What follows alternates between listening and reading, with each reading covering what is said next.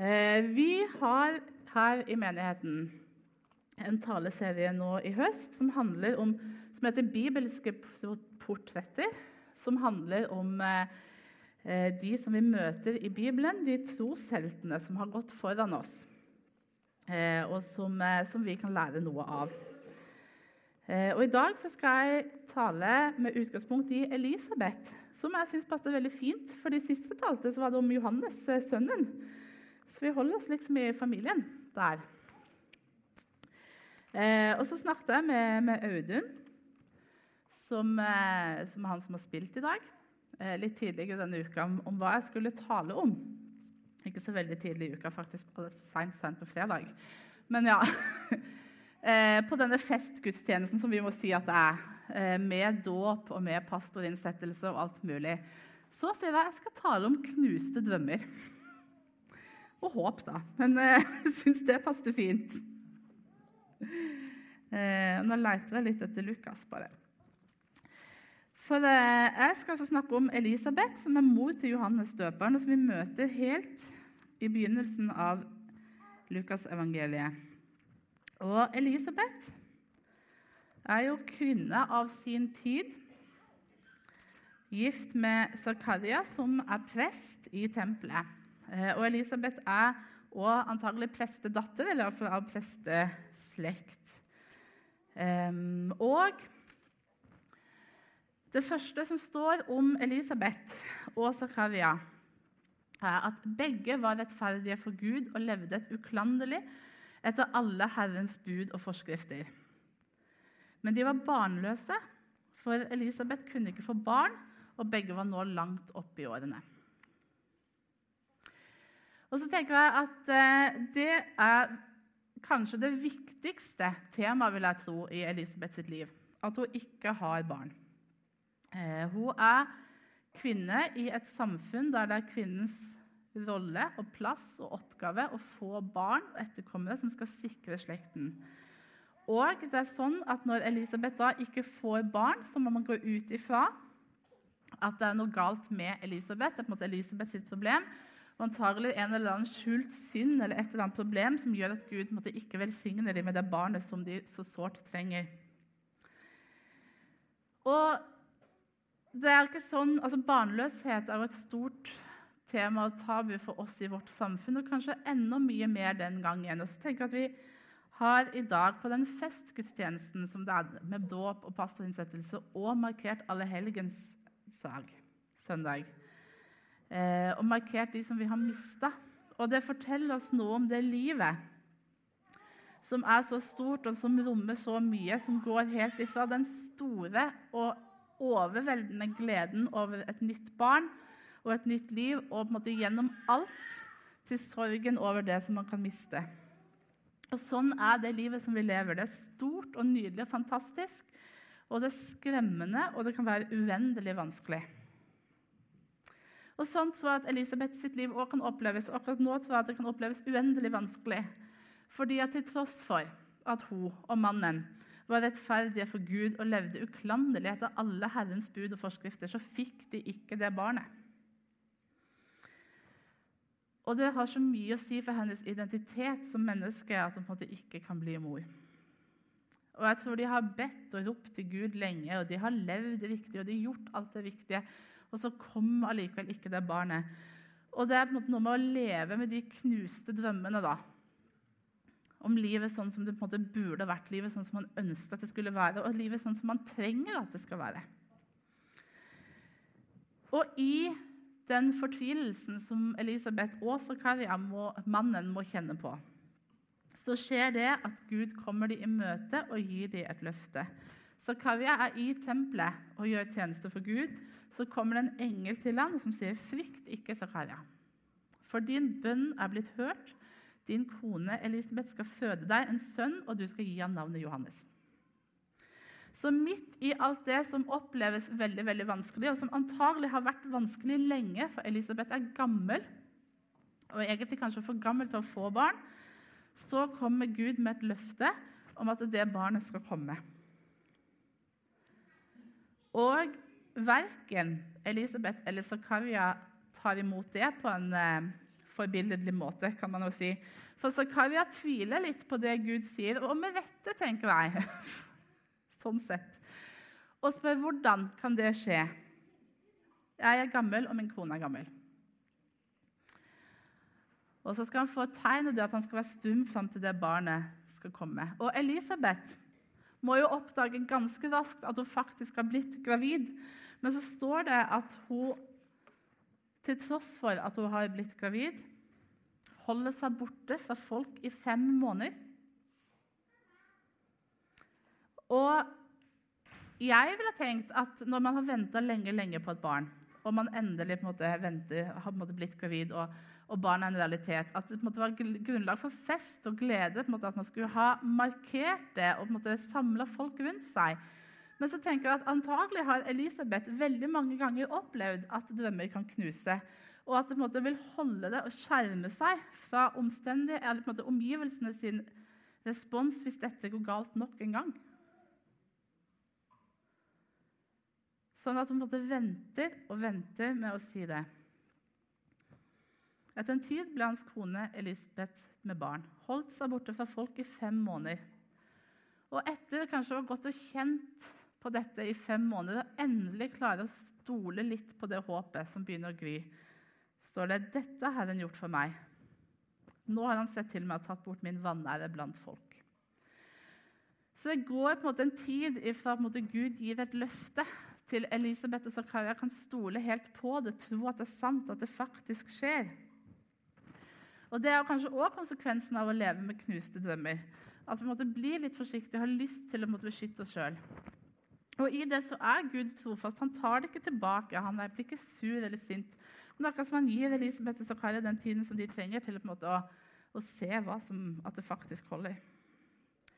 Og så synes jeg det er så nydelig, og dette er egentlig en bihistorie, at når Elisabeth da en måte har endelig tålt og trodd og tør å stole på løftet, så skjer det at en av hennes yngre slektninger blir med barn utenfor ekteskap og kommer til Elisabeth fordi hun trenger hjelp og støtte i den situasjonen. Som med Maria, som skal bli mor til Jesus, men det vet vi jo ikke ennå. for det er på en måte så nytt. Eller, Maria og Elisabeth er faktisk de første som vet dette.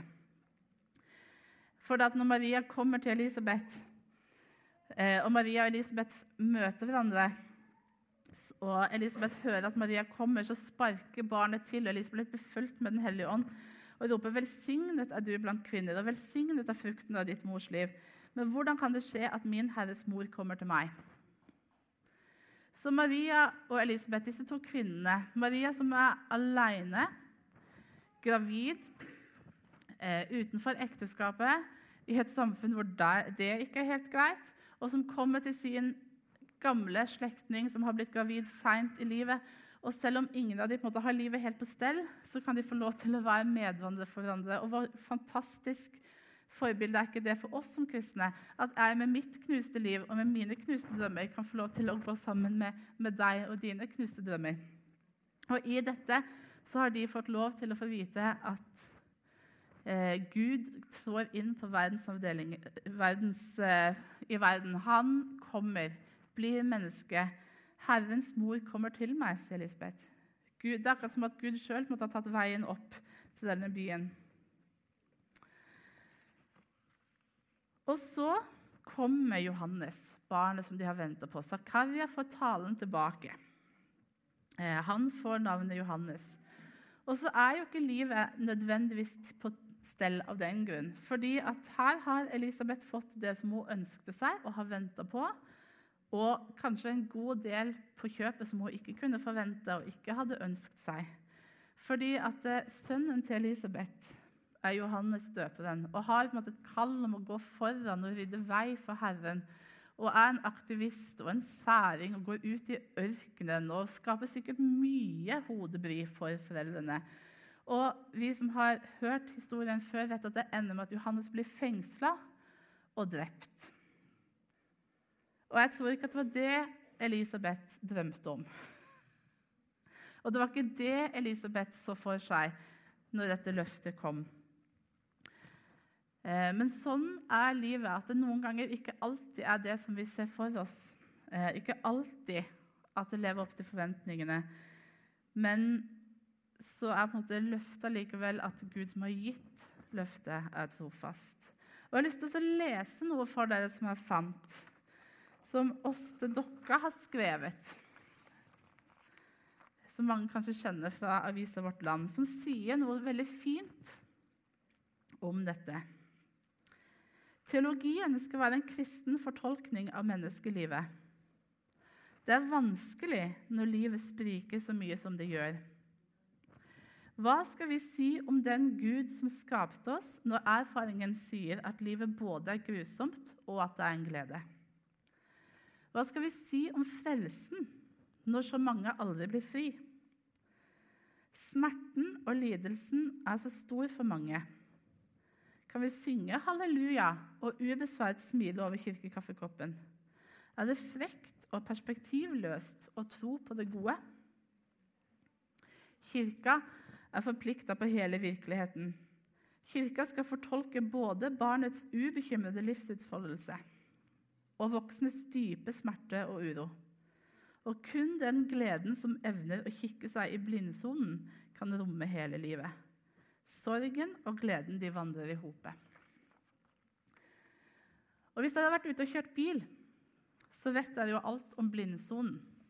Dette området bak bilen der man ikke helt ser, og der det plutselig er en syklist eller en, plutselig er en annen bil. Og Noen ganger så tror jeg at vi i møte med livet kan bli så opphengt av det som på en måte er rett foran. Enten det er vår egen glede eller vår egen sorg. At vi på en måte glemmer å se i blindsonen. Glemmer å se at livet rommer mer enn det som jeg har rett foran meg.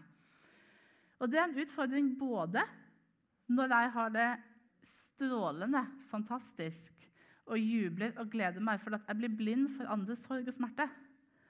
Og det er en utfordring når jeg sjøl kun ser min egen sorg og min egen smerte og ikke klarer eh, å ta inn over meg at det er noe mer.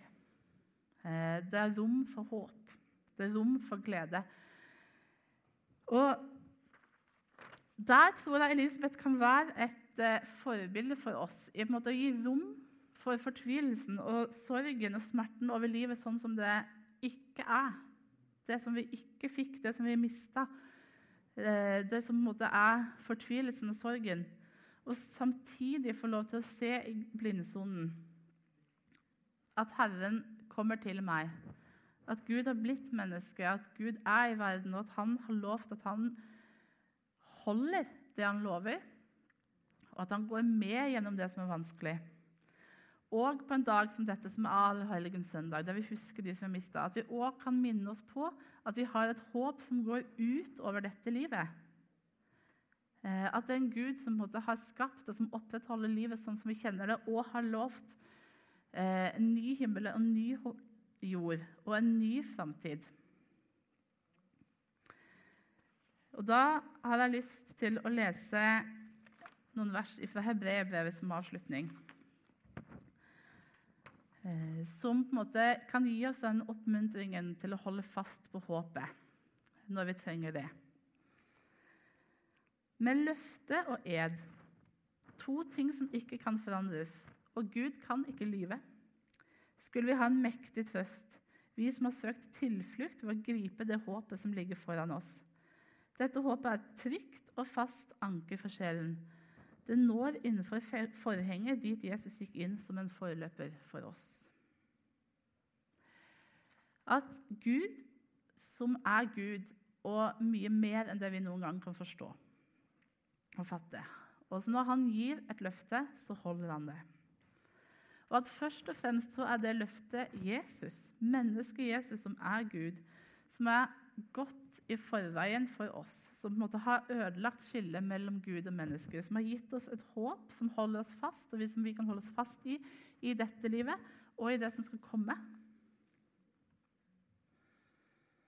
I det så har vi et håp og en mektig trøst, vi som har søkt tilflukt og å gripe det håpet som ligger foran oss, et trygt og fast anker for sjelen. Så det er Jesus da, som er håpet som vi kan få lov til å holde fast i i møte med livet. Fortvilelsen og gleden uansett hva som ligger foran oss, og hva vi har i blindsonen. Skal vi be. Kjære Jesus, jeg har lyst til å takke deg for eh, at du ble menneske. Du har kommet oss i møte. Du levde og du døde for vår skyld. Takk for at på grunn av det så kan vi få holde fast i og bli holdt fast i at du er håpet, ankeret som holder oss fast, og som gir oss håp i møte med livet, uansett om det er strålende fint og fantastisk, eh, eller om det er grusomt og smertefullt. Takk for at du tåler oss, og du kan bære oss eh, gjennom alle oppturer og nedturer og hverdager. Hjelp oss å um, løfte blikket og få se på deg når vi trenger det. Amen.